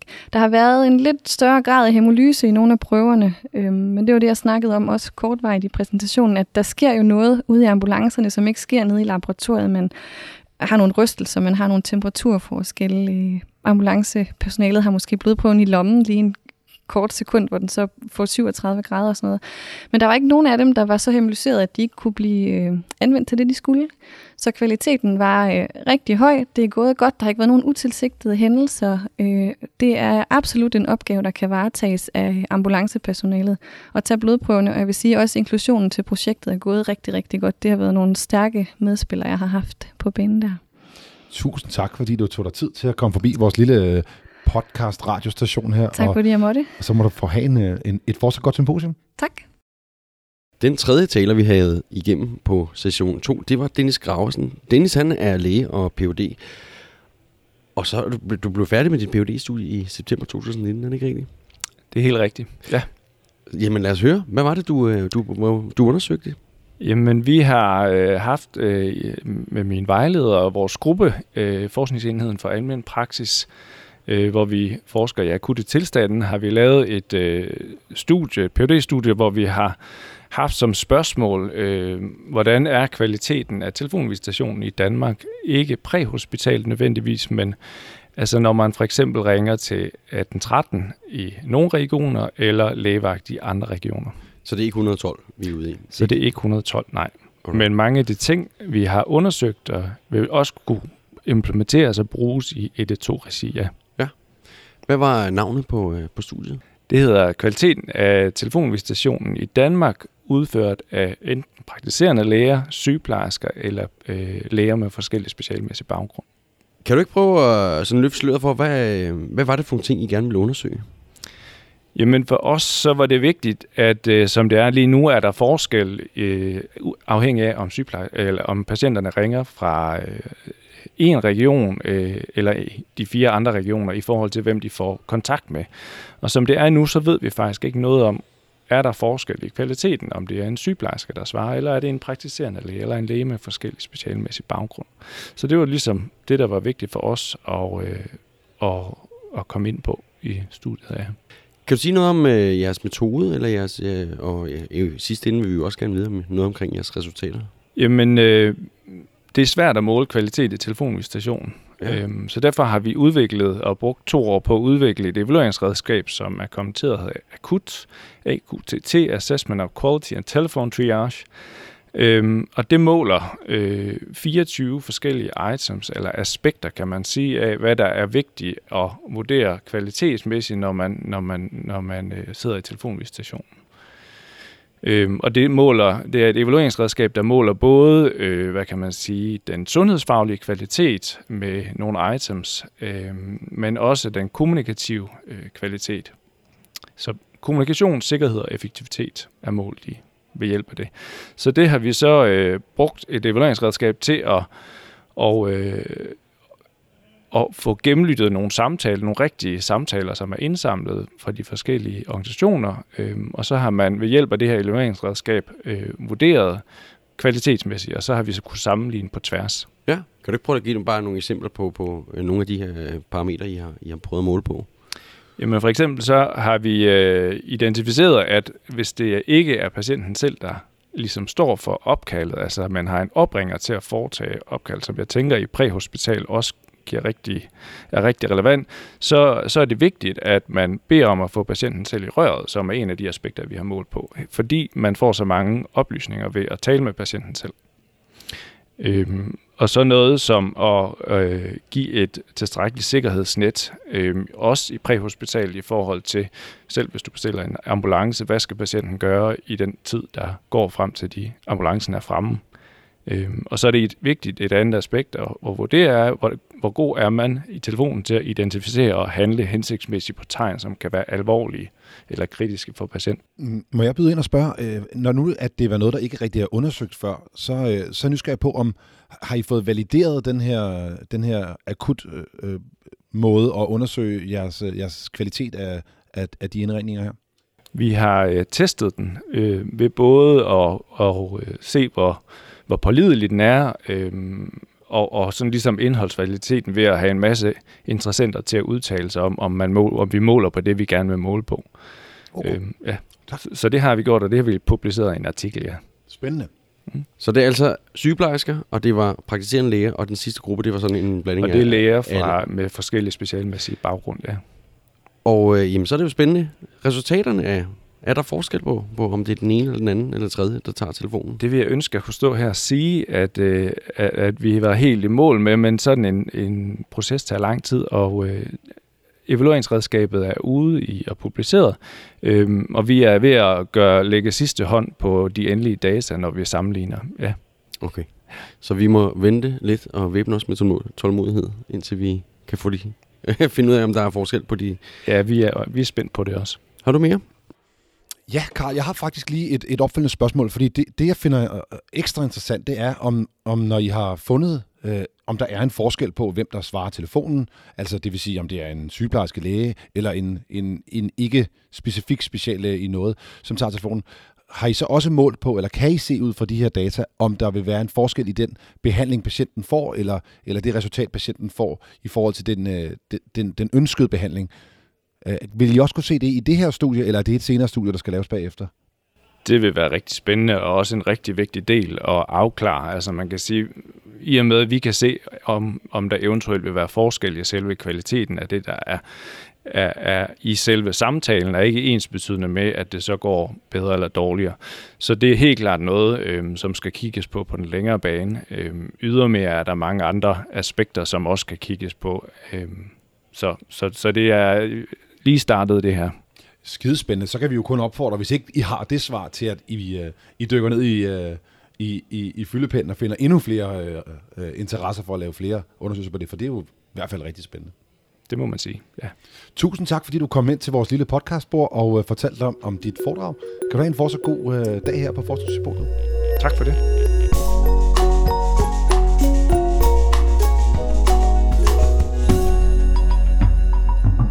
I anden session var der også en hurtig runde, og i den hurtige runde havde vi tre talere. Og den første taler, vi skal høre fra her, det er Michael Finn Valentin. Og du havde noget, som var så fint benævnt som Coca. Kan du give os lidt mere indsigt i, hvad var det, du fortalte om? Ja, øh, jamen Coca-studiet, det er at, øh, det første randomiserede lægemiddelforsøg på patienter med hjertestop uden for hospital. Øh, vi kører det kun her i øh, Region Midt, og det vi skal teste, det er om øh, calciumklorid givet øh, tidligt i hjertestoppet, om det kan være med til at først og fremmest at øge, at de får øh, egen cirkulation vandkomst til hospital, men øh, sekundært, om de, om de ikke også øh, lige kan øge overlevelsen lidt. Ja. Hvad, hvorfor er det, I har fået interesse for lige præcis det her studie med calciumklorid? Jamen, kalciumklorid var øh, egentlig noget, man brugte tilbage i 70'erne og 80'erne, og så blev der lavet nogle studier, der viste, at, øh, at det nok måske var lidt ligegyldigt, om man gav det eller ej. Øh, det, det er en lidt længere historie. Og så kom der også noget data, der måske faktisk viste, at det kunne være farligt. Det har vi en idé om, at det er fordi, at det blev givet øh, sent øh, i hjertestoppet dengang. Øh, herudover så, øh, ja, så, så det er noget, man har testet, øh, testet tilbage i, i tiden, og øh, havde en idé om dengang, at det godt kunne have en effekt. Så har man så taget det ud, øh, og øh, det man ved i dag, det er, at calciumklod, når vi giver det direkte ind i venen, jamen, så ved vi, at det giver et øh, boost til hjertet, som, så at sige, så giver det et, øh, et øget blodtryk, øh, kortvarigt i hvert fald, lidt øh, ligesom adrenalin gør faktisk. Og øh, så ved vi også, at det kan modvirke øh, nogle af de forstyrrelser i saltbalancen, der, der kommer. Super spændende. Øhm, det er noget med, at i forhold til den algoritme, vi har kørt efter i de sidste mange år, hvor det skal gives lidt senere, eller i hvert fald skal være en overvejelse, hvor er det i, i algoritmen, I påtænker, at det skal gives? Ja, i dag der er det sådan, at guidelines, de, øh, de påtænker kun kalciumklorid til nogle helt bestemte årsager til hjertestoppet, blandt andet, at man har for højt øh, kalium, hvilket kan være relevant for folk, der er nyresyge, øh, eller hvis øh, de for eksempel har en forgiftning med øh, calciumblokker. Øh, så, men vi påtænker at give det til alle øh, patienter, der har hjertestop uden for hospital, så frem at de får adrenalin. Simpelthen for at give det samme boost til hjertet, som, som adrenalin gør. Øh, så dem, der ikke kommer med, det er jo sådan set de stødbare rytmer, som får, øh, får genvinding af egen cirkulation alene ved, at de får, øh, får en AED eller et stød. Øh. Du viste en, øh, en fin algoritme på, øh, på et slide. Hvornår skal det gives specifikt? Kan du sige det meget kort? Ja, det er øh, adrenalin, der er fuldstændig afgørende for, hvornår vi giver det. Så ved første dosis adrenalin, der får de første dosis forsøgsmedicin lige umiddelbart efter, og så ved anden dosis adrenalin, så får de anden dosis lige umiddelbart efter. Så hvis patienten ikke får adrenalin, så er det ikke nogen, der skal med i forsøget. Øh, lidt af det, jeg snakker om før, at ved det stødbare rytmer, så er det stødet, der ligesom øh, skal til, øh, til at starte med. Og så, øh, så blev du spurgt til derinde, hvad har været den største udfordring, og det tænker jeg også, vi lige så godt kan få med her i, øh, og det er jo en kendt udfordring ved de her typer studier. Ja, det er sådan, at når det er et lægemiddelforsøg, øh, så, øh, øh, så pågiver dansk øh, lovgivning, at øh, hvis patienten ikke selv kan give samtykke, og hvis pårørende ikke øh, kan give samtykke, jamen, så skal man have øh, tilladelsen fra det, der hedder en uvildig læge, øh, også øh, kaldt en forsøgsvæv. Øh, og det er, selvfølgelig en, det er selvfølgelig fint at igen på intensive afdelinger og sådan noget, når man ikke har med hjertestop at gøre, hvor den her lovgivning er, er påtænkt. Men øh, så snart du har med en så akut tilstand som hjertestop at gøre, øh, og det er ude præhospital, så giver det selvfølgelig en masse udfordringer rent logistisk. Øh, det har vi forsøgt at løse ved at få paramedicinerne med, som nogen, der er selvstændige kan inkludere patienterne, og det har løst mange af problemerne. Spændende. Det sidste spørgsmål, jeg kommer på, det, det er egentlig bare for at, at få skal udfordre dig lidt, selvom vi ikke er startet nu. Hvad gør I, i i disse tider nu her, når der er AID'er og rigtig mange folk, der kommer til det her hjertestop, før at, øh, at de præhospitale ressourcer kommer frem? Der kan både være stødt en, to eller tre gange, men jeg, som jeg forstod det på jeres algoritme, så var det ikke nævnt, hvad, eller, eller var det mig, der ikke fangede det helt specifikt. Hvad gør I der, hvis der er folk derude, der har stødt med idéer? Er, er det også, tæller det med som de tre stød, eller hvad hvis der er givet fire stød, inden vi kommer? Øh, bliver de stadig inkluderet? Ja, altså, så vi forholder os faktisk egentlig bare til standardbehandling. Øh, og øh, det er med adrenalin, som det så er med vores øh, forsøgsmedicin. Og øh, i de tre stød, som skal for, gå forud for, at den en med stødbar rytme skal adrenalin, der indgår øh, stødene fra ED. Og der kan man bare sige, at det er jo egentlig kun en fordel for os, at patienten får øh, stød tidligt, fordi øh, så kan man, patienten måske også få medicin tidligt, så frem det ikke er stødet, der kan redde patienten. Og vi ved fra nogle af de studier, der er lavet på adrenalin og på amiodaron og lidokin nu her, der ved vi, at det ser altså ud som om, at også medicin, det skal altså gives øh, så tidligt som overhovedet muligt. Øh, så derfor er det faktisk kun en fordel for os, hvis patienten kan få nogle øh, stød tidligt. Det er jo super dejligt, for vi har i hvert fald set en stor effekt af, at der er kommet hjerteløbere og offentligt tilgængelige AD'er derude. Ja, det er helt enig Tusind tak, fordi du kom øh, hen til vores lille podcast på, Michael, og øh, jeg håber, du får en fortsat god dag her på Symposiet. Ja, mange tak, og tak fordi du var med. Det næste hurtige runde, vi havde, det var med dig, Allan Bak, som jo i dag øh, er ledende overlæge Ja, det er per 1. februar, så der går lige et par uger nu. Men kan du ikke lige løfte sløret for, hvad er det, du skal til at lave nu? Jo, jeg skal til at være øh, ledende overlæge for Region Midtjyllands akutlægebiler og ambulancer. Tillykke med det. Jo, tak. Vi har hørt et øh, indlæg fra dig, der handlede om et studie med øh, det, der hedder præhospital ultralyd, eller også POCUS. Øh, kan du beskrive lidt mere, hvad det studie går ud på? Og det er allerede i gang, det studie, så vidt jeg forstår. Ja, vores studie er i gang, det hedder Prelude-studiet, og er et pragmatisk studie, hvor vi gerne vil være med til at undersøge, hvorvidt brugen af præhospital ultralyd i det setup, vi har her i Region Midtjylland, kan bidrage til en øh, bedre diagnostisk proces for de patienter, vi ser med, øh, med dyspnø. Og det vi helt specifikt øh, kigger på, det er, hvorvidt vi kan afklare, om de her patienter de har akut hjertesvigt, hvorvidt de har forværing af kol eller astma, hvorvidt de har øh, pneumoni, hvorvidt de har lungeemboli, hvorvidt de har pneumotorax. Uh, øh, når de så laver studiet her i forbindelse med det, er der nogen ændring i den behandling, patienten får, eller er det udelukkende for at finde ud af, om jeres uh, evner med ultralydsapparatet eller den visitation, der sker i forbindelse med det, har en, en effekt, eller er der også en behandlingsmæssig involvering i det her studie? Vi, vi øh, spørger også til, hvorvidt det her det har haft nogen forskel i både den præhospitale behandling for patienten, og også i forhold til, hvordan de er blevet visiteret, og hvilke modtageforhold de er blevet modtaget under på det modtagende sygehus. Men det, men det primære, vi egentlig under, ønsker at undersøge, det er, hvorvidt brugen af ultralyd overhovedet ændrer noget i forhold til de tentative diagnoser og afklaring af patologier, øh, som vi gør os overvejelser om øh, ude præhospitalet. Og det er fordi, der findes i bund og grund meget, meget, meget lidt forskning om, hvordan ultralyd det anvendes præhospitalet. Vi ved, at ultralyd helt klart har en, en plads i den diagnostiske proces, men vi kender ikke særlig meget til den måde, vi i bund og grund anvender det blandt præhospitale akutlæger. Øhm, en ting, som jeg husker, vi diskuterede rigtig meget i forbindelse med det store studie i England omkring uh, The Adrenaline Trial, og også i forbindelse med uh, Airway 2 Trial, det var det her med, at folk havde meldt sig frivilligt til at deltage. Altså, der var ikke nogen, uh, der var ikke nogen ensretning i de evner og kvaliteter, folk havde i forhold til det. Og det gør jo, at ofte, når folk de melder sig, så er det tit folk, der er engageret, eller i hvert fald over middel engageret, fordi det, der skal jo være en eller anden form for frivillighed. Det kunne jeg forstå, det også var i jeres studie. Hvad mener du uh, om, om det? Har det nogen indflydelse på den data, I får, og gør det noget med, hvad I kan bruge dataen til? Jamen det gør det helt bestemt. Øh, det gør det i hvert fald, og det betyder også noget for den måde, vi kan generalisere studiet på. Det vi i bund og grund gerne vil undersøge, det er, hvis vi tager de læger i Region Midtjylland, som i forvejen bruger ultralyd i deres dagligdag, og som et eller andet sted har accepteret det her som diagnostisk værktøj, hvordan kan de ligesom applicere det på den her øh, gruppe af patienter, vi har med dyspnø? Og der vil vi så have afklaret, om det rent faktisk bedrer deres muligheder for at stille øh, korrekte præhospitale di- diagnoser, eller om det måske i virkeligheden ikke har nogen betydning, og i bund og grund bare er tidsspille. Når vi så har de resultater, så kan vi jo gå ud og fortælle, at vi enten bliver meget bedre til det med det setup, vi har her i, i regionen, eller den metode, vi ligesom har valgt, den i bund og grund ikke gør nogen forskel for patienterne. Men det stiller vel også en interessant spørgsmål. Hvis det nu er, at I ikke får et, et altså hvis I ikke gør en stor forskel, så vil der være nogen, der siger, at, at det er tid til at lave et studie, hvor man siger, at alle skal have en fast standard, og de skal undersøge med en fast procedure. Det kunne, Eller hvordan? det kunne sagtens blive konsekvensen af det. Ja. Og som sagt, så er vi i, i, øh, i, i begyndelsen af at lave rigtig god, solid præhospital ultralydsforskning. Så det her det er bare et lille brik i det kæmpe store puslespil, vi skal til at samle nu her. Og for lytterne derude, der ikke er kendiser eller vant til, til videnskab og, og forskning, det er det et pragmatisk studie, er det ikke sådan?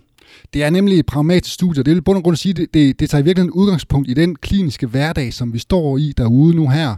Og det er også derfor, at vi i bund og grund kan applicere det på den måde, vi gør det nu her, og vi kan blive klogere på vores egen opbygning og vores egen organisation. Det bliver super spændende at se resultaterne. Det glæder jeg mig til at følge med i. Tusind tak, fordi du kom hen til vores øh, lille podcastbord og, og bidrog med din øh, historie. Fortsat god dag her på Symposiet. Ja, selv tak. Den sidste taler, som faktisk var den første taler i vores hurtige runde inde i salen, det var Rasmus Fagerby. Du beskrev dig som øh, akutlæge inde i salen, men øh, hvad laver du udover bare at køre rundt i en akutlægebil? Laver du andet end det? Jeg laver ret meget forskelligt. Jeg er læge på AMK, øh, jeg laver forskningsdelen øh, og kører meget på lægebilerne, og lige nu har jeg ikke nogen indhospital øh, stilling, men altså jeg er uddannet narkoselæge. Dejligt. Du øh, fortalte om noget, som faktisk rigtig mange ambulancefolk allerede har hørt om, og nogle steder i landet allerede bruger, nemlig det, der hedder precharge. Kan du øh, kort fortælle, hvad, hvad er det precharge er? Ja, altså man kan sige helt generelt, når vi laver hjertestopsbehandling, så er det væsentligt, at man minimerer pauser. Øh, den maskine, vi bruger til at lave hjertestop, om det bliver en AED, altså den lille maskine, som man som folk kan hente på gadehjørnet og sætte på som civilperson, eller øh, de maskiner, vi har med i ambulancen, de bruger lidt tid på at øh, lade strømmen op. Øhm, og i den periode, når vi gjorde det efter den gamle metode, der var lidt spildtid, øhm, som gav en unødig pause. Øh, så helt simpelt, så lader vi op, mens vi masserer, øhm, og dermed har er øh, hjertestarteren klar til at give et stød på det tidspunkt, det er nødvendigt. OK. Modsat det, vi gør i dag, kan du lige prøve at sammenholde det. Hvad er det, hvad er det forskellen så er? Det man gør i dag, man kan sige, hvis det er en automatisk maskine, der gør tingene selv, så er der en lang pause, hvor der slet ingenting gør. Og hvis vi gør det, øh, hvor vi gør med en manuel funktion, altså hvor ambulanceredderen og lægen kigger på skobet og finder ud af, om der er en stødbar rytme, så er metoden, som det er på nuværende tidspunkt, at man masserer, så holder man en, øh, en pause, hvor man kigger efter den stødbar rytme, så begynder man at lade maskinen op, så den får den strømmængde, den skal afgive, og i den periode masserer man, og så afgiver man stødet. Så det vil sige analysepause, en kort massageperiode, man stiller op, og en stødpause erstattes nu af en øh, samlet øh, hvad hedder det, analyse- og stødpause. Så vi får altså minimeret den tid, der går, og, og, og for, for dem, der ikke er med inde i termerne, så det vi gør, det er, at vi, vi prøver at opnå, at det perfusionstrykket i vores konar til ikke falder for meget. Det, har I fået nogle resultater endnu øh, på det her, øh, som vi du har, kan dele her? Vi har nogle forløbige resultater. Ja. Øhm, vi har kørt det undervisningsmateriale er sendt ud, så det var start fra årsskiftet øh, 18-19, øh, og vi begynder at samle data fra marts 19 og frem efter. Øh, det vi kan se, implementeringsgraden der ligger over 60 procent, øh, altså af folk, der er stødbare, bruger precharts derude, og vi kan se, at de analysetider, vi ser derude, når precharts bliver brugt for hele det, der kaldes defibrilleringsproceduretiden, øh, er nede øh, i snit omkring 6 sekunder nu. Øhm. Og det er, jo, det er jo en fantastisk reduktion, og også to pauser, man kan klemme sammen i en. Præcis, og hvis vi siger, de, der er nogle simulationsstudier, der viser, at man går fra 12 til 4 sekunder, så det vil sige, at vi er faktisk ret tæt på det optimale setup ude i det præhospitaler. Det, altså, jeg er egentlig overrasket over, at 6 sekunder er så tæt på, øh, hvad man kan gøre i et, et klinisk setup, hvor der alt er perfekt, og det er en dukke, man står og støder på. Helt, helt sikkert, fordi at, øh, det er trods alt en lille smule anderledes i, i en mørk lejlighed, eller uden det først øh, i, i den friske vejr, eller med trafikanter omkring en, så, så er det ikke så optimalt som i et, øh, i et øh, forsøgslaboratorium eller et simulationscenter. Øhm, jeg har øh, en, en interessant ting, jeg kunne tænke mig at spørge I, I gjorde noget specielt i forhold til, når I, øh, for at sikre, at folk de, de anvender den her praksis, øh, så har I implementeret forskellige løsninger. Øh, kan du prøve at, at fortælle dem? Der har været flere ting i det. Der har været det intuitive, og der har også været en, en, øh, en anestesikollega, der lige spurgte i pausen, og siger, hvad, hvad gør I så, hvis I rører patienten, mens man lader op? Så der er hele den der øh, varierende hyletone, som folk er bange for, øh, fordi det har man ligesom lært sig, at man ikke må røre ved. Øh, og så har der været det der med at få fokus på det, som man gør. Så øh, der har været noget omkring simpelthen, hvordan bruger man LP15'eren, vores, den, den der giver stødet, øh, hvor man sætter motonomen på, så man slipper for den vibrerende tone. Vi har lavet et videomateriale sammen med skriftligt materiale, som er sendt ud til alle læger og redder øh, i, regionen og egentlig også del i landet. Øhm, så har vi øh, lavet opfølging med nyhedsbreve, og som sidste del, der virkelig flyttede noget på implementeringen, øh, er det samarbejde med MK, vores øh, alarmcentral, der sender ambulancer ud. Når der var mistanke om hjertestop, så står der i teksten, husk precharts, og vi kan se, at det får øh, opmærksomheden op hos den enhed, der er på vej ud til den enkelte person.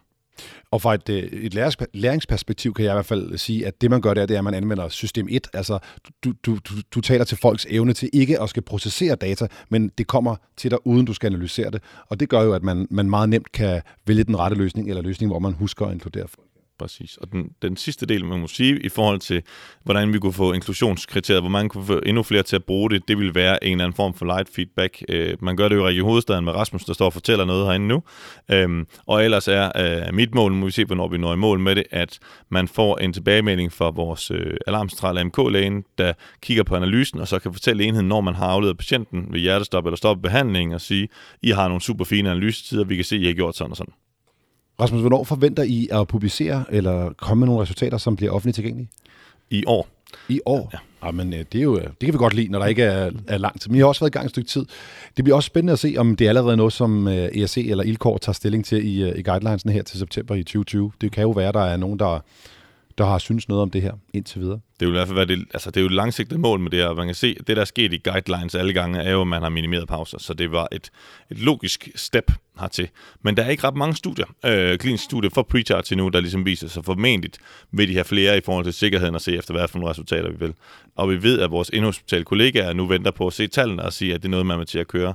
Så på den måde er Pretest også specielt, fordi vi faktisk har startet med det præhospital, og så tager man ind på sygehus. Det plejer at være den anden vej rundt, da vi prøver at overføre gode metoder ind i hospital, og så sætte dem præhospital.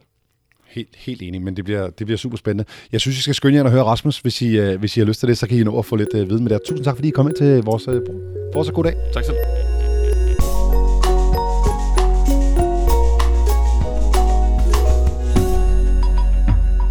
Så blev vi faktisk færdige med tredje session, og øh, som en del af tredje session, så har vi en god gammel ven af Fomedic med, som har holdt et oplæg. Og det er jo parmelsiner og phd studerende Rasmus Lyngby. Velkommen til, Rasmus. Tak.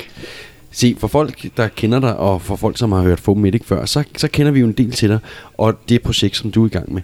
Men måske så skulle vi øh, starte helt forfra og sige for alle dem, som ikke kender noget til dit projekt. Hvad var det, du var inde og præsentere her? Jeg har været inde og fortælle om mit, øh, et af de projekter, som indgår i den PhD, som jeg er ved at skrive. Det projekt, jeg var inde og, og fortælle om, det var det, der fokuserer på, øh, på feedback under hjertestop uden for hospitalet. Når vi snakker om feedback, så er det de informationer eller den data, som vi samler ind ved at sætte en sensor på patientens brystkasse, lave vores brystkompressioner oven på den sensor, og den kan så afrapportere den trykdybde, øh, den frekvens og, og omkring, der bliver givet kompressioner eller ej. Det kan så ses på øh, den DeFi, som øh, redderne har med, og vi kan også bruge det som øh, en form for debriefing, hvor vi trækker data ud, og så kan vi se hele forløbet. Du havde en, sådan en opbygning af hele, hele dit projekt, med, øh, som du delte ind i tre faser. Kan du komme lidt mere ind på dem? Jo, det projekt, som, øh, som jeg var inde og præsentere her, det er delt op i tre faser, hvor vi har den første fase, der fjernede vi alt, hvad der hed feedback, det vil sige, at redderne fik ingen informationer, heller ikke engang øh, en metronom til at hjælpe med at holde frekvensen. Det kørte vi i cirka 8 måneder, hvor øh, vi så samlede data ind. Så aktiverede vi feedback, det vil sige, de på deres DEFI eller real-time feedback, så på deres øh, DEFI kunne de se trykdybde, de kunne se frekvensen, og så nogle andre søvdemål for, øh, for kvalitet.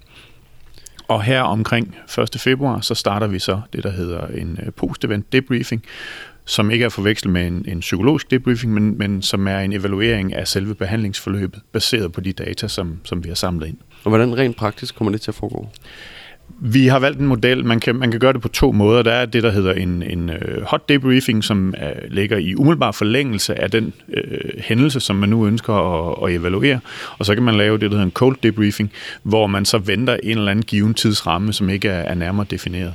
De studier, der ligger, de har alle sammen brugt den her cold debriefing, så det vi gør, det er, at vi tager en, en hot eller en, en umiddelbar debriefing, så efter et hjertestop er kørt, når der ligesom er er plads til det, når, når det giver mening, når det er etisk rigtigt, så samles det hold, der har været indsat i, i hjertestopsbehandlingen, og så, øh, og så debriefer de ud fra de data, som, som er blevet genereret under selve hjertestoppet. Og det vil både være i scenarier, hvor vi øh, erklærer patienten død, men eller også dem, hvor vi kører eller får rosk og kører dem ind på hospitalet. Det vil være i alle tilfælde, hvor redderne de har givet hjerte altså et baseline-forsøg, og så et, et real-time-forsøg, øh, øh, som stopper her, den er, var det første i anden, vi var ude i. Ja, og så fra, fra første i anden, så begynder vi med noget feedback. Øh, kan du sige noget om de forløbige resultater på de her to, som du har været i gang med? Ja, sådan en, en, et forsigtigt bud, fordi de resultater, som, øh, som er der, det er jo ikke nogen, der er blevet regnet på. Det, det er, hvad der sådan er hurtigt og nemt at trække ud. Øhm, i forhold til trykdybde og frekvens, så, så ligger, og det er jo Region Hovedstaden, vi har samlet data ind i, skal jeg lige sige, der ligger, der ligger vi faktisk rigtig, rigtig godt. Vi performer ret godt, og vi ligger inden for de kvalitetsparametre, som, som vi egentlig skal ligge inden for. Vores hands-on er også, øh, er også super god, og vi ligger lige i underkanten af 80 procent. Var det, var det for baseline? Det var for baseline. Det var der, hvor der faktisk ikke var nogen feedback. Det vi kan se, det er, at det er svært at kombinere den korrekte trykdybde med den korrekte frekvens på samme tid. Så når vi begynder at lave sådan nogle kombinationsmål for, hvad er kvalitet, så halter det lidt, hvis man ikke har nogen feedback. Øhm, så da vi slår feedbacken til, så, så kan man sige, at det er svært at forbedre noget, som i forvejen faktisk er godt nok. Så det, så er lidt nogle andre ting, man kan gøre.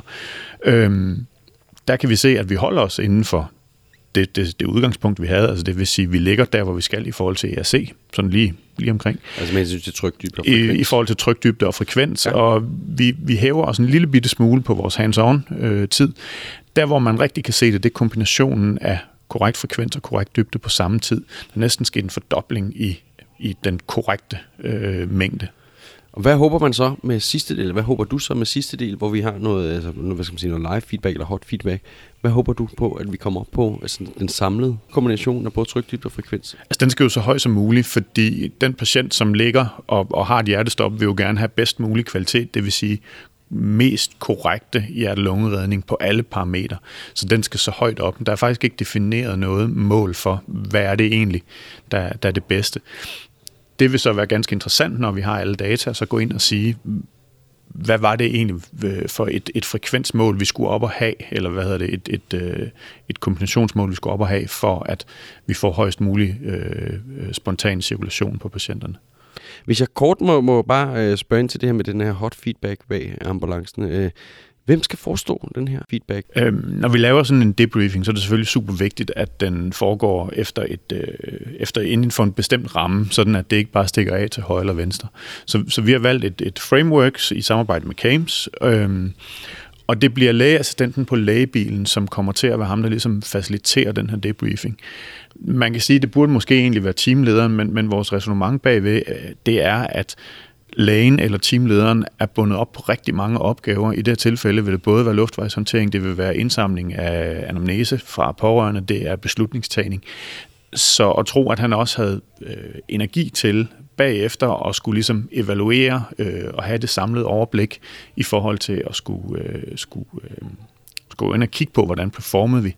Det mente vi måske kunne være bedre løst ved, at vi giver en lægeassistent, som er lidt mere fri i sin rolle, øh, den opgave. Tusind tak, fordi du vil snakke med os i dag, Rasmus. Selv tak.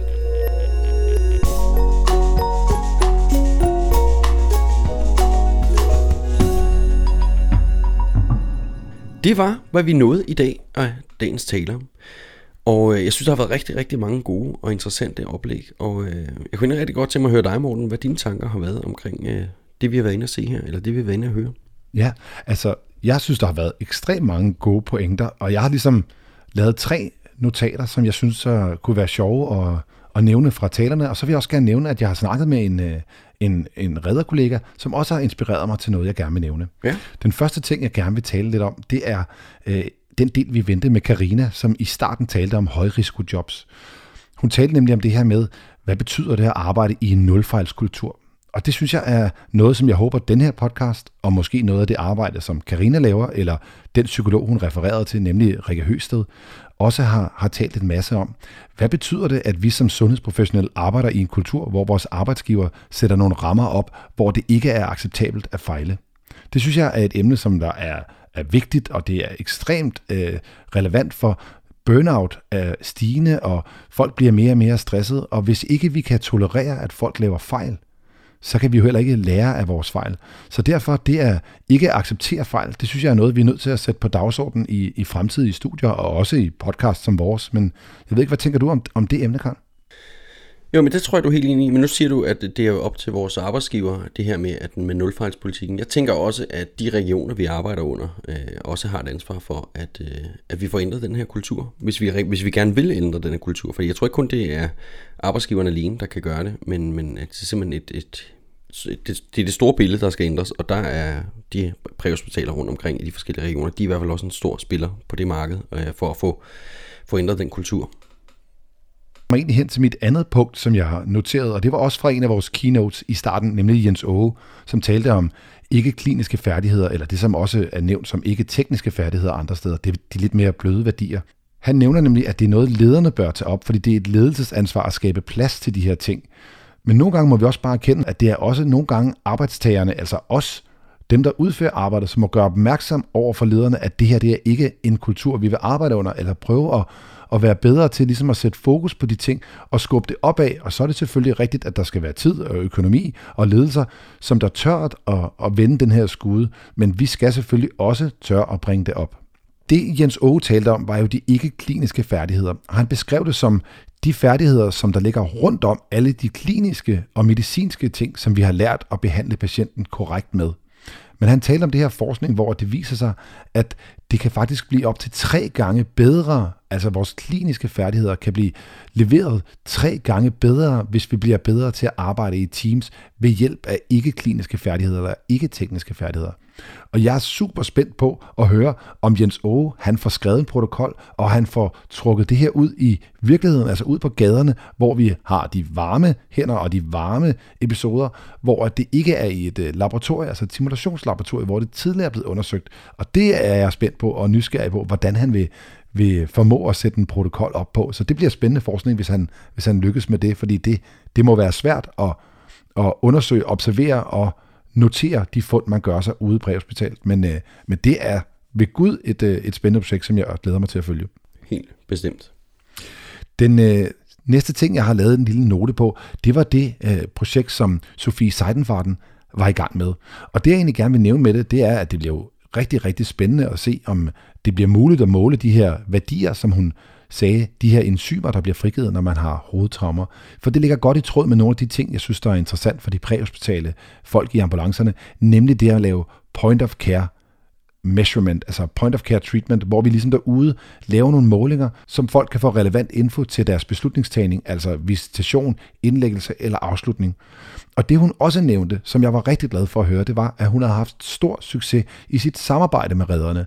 De har været gode til at tage blodprøver, de har været nærige, de har været gode at samarbejde med, så det havde helt igennem været en god oplevelse at bruge vores faggruppe til at indsamle de her blodprøver, hvilket er noget, jeg synes, vi skal tage med os videre og, og se som en løftestang til, at vi kan sagtens være med til at, at lave de her ting i fremtiden. Øhm, så det er jeg meget spændt på at se, hvor det bringer os hen. Helt enig. Øh, det viser bare, at vi kan jo sagtens, hvis vi vil. Ja, og det er faktisk det sidste punkt, jeg har noteret mig, fordi jeg har talt med en kollega, som er ambulanceredder, han er assistent i øjeblikket, og han er i gang med overbygningen til ambulancebehandler i forbindelse med den nye uddannelse. Og han fortalte mig, at han som et led i hans hospitalspraktik selv var gået op på en kardiologisk afdeling og spurgt, om det var muligt at blive forskningsassistent og hjælpe til med at indsamle eller analysere nogle, nogle data. Og oppe på den her kardiologiske afdeling havde de bare omfavnet ham og sagt, selvfølgelig kan du være med. Jo flere faggrupper, jo bedre. Og så har de inviteret ham med inde i et forskningsprojekt, hvor han nu sidder og analyserer nogle billeder uden for nogle, inden for nogle specifikke rammer, og er med til at få dataen indsamlet, som skal bruges i det større projekt. Og de har faktisk været så glade for hans indsats, at det er endt med, at han nu også er blevet inviteret med til at lave en af de næste artikler, hvor han kan være med til at få et forfatterskab. Og det synes jeg bare er en fantastisk positiv historie, at der er plads til ambulanceredderne til øh, at deltage i studier under og sammen med andre. Vi skal bare også selv gerne vil opsøge det derude. Så det bliver jeg meget positiv over. Jamen helt enig, fordi jeg kan også se, når jeg, noget af det, der har slået mig, når vi sådan har kigget ned over programmet, øh, hvor man kan se, hvem der har været af talere og, og forskere, så er det jo, at, at langt størstedelen af dem er læger, og at vores, vores egen faggruppe er i virkeligheden voldsomt underrepræsenteret. Og man kan sige, som det er lige nu, og det vi har set i dag, jamen, det er, at vi har mønstret en mand, det var netop øh, Rasmus Lømgy. Og der skal ikke være nogen tvivl om, at det selvfølgelig er i patienternes interesse, at der bliver forsket i præhospital behandling. Men øh, det, er mit håb, at flere og flere redder, som, som ham du øh, omtaler her, bliver interesseret i at forske. Fordi vi kommer nok aldrig helt til at, hvad skal man sige, kunne understøtte vores egen faggruppe sådan helt alene med forskning øh, udelukkende foretaget af redder. Og det tror jeg nu egentlig heller ikke er nødvendigt. Men vi har taget nogle skridt på vejen, blandt andet med Rasmus Lyngby som, som forgangsmand og den her redder, som du også omtaler. Og det ville være skønt, hvis vi ikke var så afhængige af andres faggruppers forskning på netop vores område. Det er ikke sikkert, at de har helt samme agenda, som vi har. Øhm, men det her med, at vi kan stå på egne ben, øh, det vil være øh, rigtig, rigtig stort for mig. Jeg ved godt, der er langt igen. Det kræver både en indsats og en vilje, både for os selv, men faktisk også for dem, som planlægger og udarbejder vores, øh, vores uddannelse. Helt Fordi hvis man sådan hvis man sådan kort skal, skal, skal snakke lidt omkring, hvor meget tid der er afsat i den nye ambulancebehandleruddannelse til både evidensbaseret medicin og øh, metodik og om litteratursøgning, og hvordan vi egentlig læser videnskabelige artikler, så er det desværre forsvindende lidt. Øh, der er kommet noget på, som øh, Per Sabo også var lidt inde på. Der er kommet noget på den nye uddannelse, men det er stadigvæk ikke nok. Fordi det Per han i øvrigt også sagde, det var jo, at øh, der snakker han jo om, at læger er, er Øh, nysgerrige, og derfor har de den her forskningskultur. Men jeg tror egentlig ikke, at læger er mere nysgerrige end øh, hverken redder eller andre faggrupper. Men det er jo klart, at hvis man gennem hele sit uddannelsessystem er flasket op med, at det er sådan, man gør, at forskning det er en del af uddannelsessystemet, jamen så producerer man jo også bare flere forskere. Så derfor så er jeg jo lidt ked af, at, og synes, det er lidt ærgerligt, at der ikke er mere forskningskultur øh, i den her nye øh, ambulancebehandleruddannelse.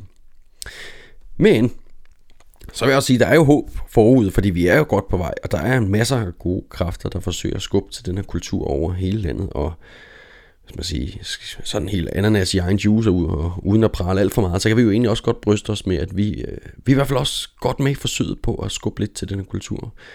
Øhm, og det har vi jo gjort med de her øh, tidligere to afholdte kurser, vi har holdt i litteratursøgning og kritisk artikellæsning, øhm, hvor vi netop forsøger at skubbe til den her kultur. Og så kan vi jo sige, øh, som en lille teaser, en lille reklame, så her den 3. juni i år 2020, så holder vi det faktisk endnu en gang, det her kursus i øh, kritisk artikellæsning og litteratursøgning. Og denne gang, der rykker vi igen her til Aarhus, hvor vi er lige nu.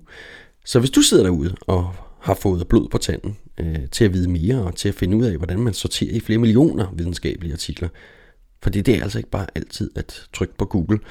øh, og hvordan man så i virkeligheden læser dem, uden at tage alt for gode varer, og hvordan man måske nemt kan komme i gang med sit eget lille forskningsprojekt, ja, så kan vi varmt anbefale at tage med på det her kursus. Og øh, som i vanlig Fomedic-stil, så er der jo naturligvis både kursusmiddag og en masse social hygge øh, om aftenen. Det bliver en helt fantastisk dag. Det er jeg enig med dig, Karl, og det glæder jeg mig helt vildt meget til.